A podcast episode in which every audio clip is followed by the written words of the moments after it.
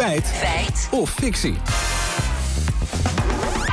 Ja, Lieke, wij sloegen vanochtend de Volkskrant open en daar lazen we iets opvallends. Ja, lijsttrekker Esther Ouwehand van Partij voor de Dieren vertelt in een interview dat zorg een belangrijk thema is in de aankomende verkiezingen. Vooral preventie moet van haar meer aandacht krijgen. Nu komt het. Ze zegt in de krant: we kunnen 10 miljard euro per jaar aan zorgkosten besparen met preventie. 10 miljard, dat is significant. Zeker, dat zijn we dus uh, gaan checken. Eerst even naar die preventie. We vroegen Bram Woutersen, zorgeconoom aan de Erasmus Universiteit, hoe preventie helpt om je gezondheid te verbeteren. We denken heel vaak aan, uh, aan leefstijl, aan roken, overgewicht. Maar we weten ook dat een, een, gezonde omgeving minder uitstoot van schadelijke stoffen, maar ook bijvoorbeeld een gezonde werkomgeving, minder stress. Dat allemaal factoren zijn die bijdragen uh, aan een betere gezondheid.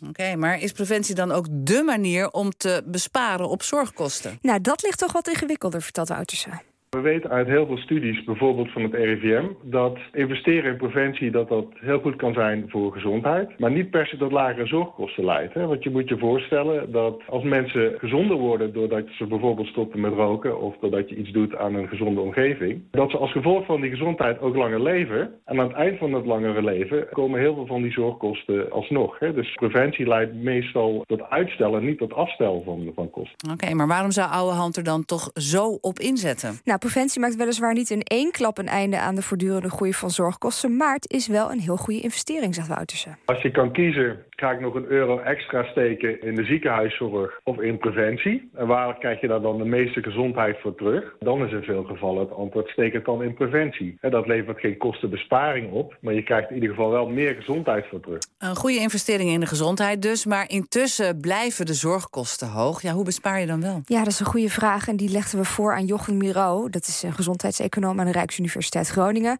En het antwoord daarop is misschien niet wat je wil horen.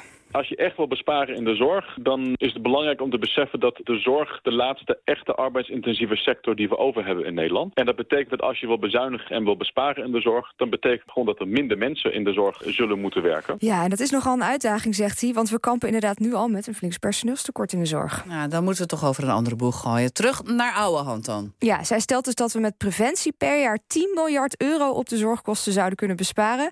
En we vroegen Wouterser hoe geloofwaardig dat is. Nou, dat lijkt mij uh, zeer lastig uh, te realiseren. Dus eigenlijk met preventie niet mogelijk om uh, op zo'n grote schaal zorgkosten te besparen. Ja, ook de andere gezondheidseconomie Rauw die luistert hierbij aan. Preventie is wel de moeite waard, vooral als je mensen langer gezond wil houden, maar niet om kosten te besparen. Dus de uitspraak van Ouwand is fictie.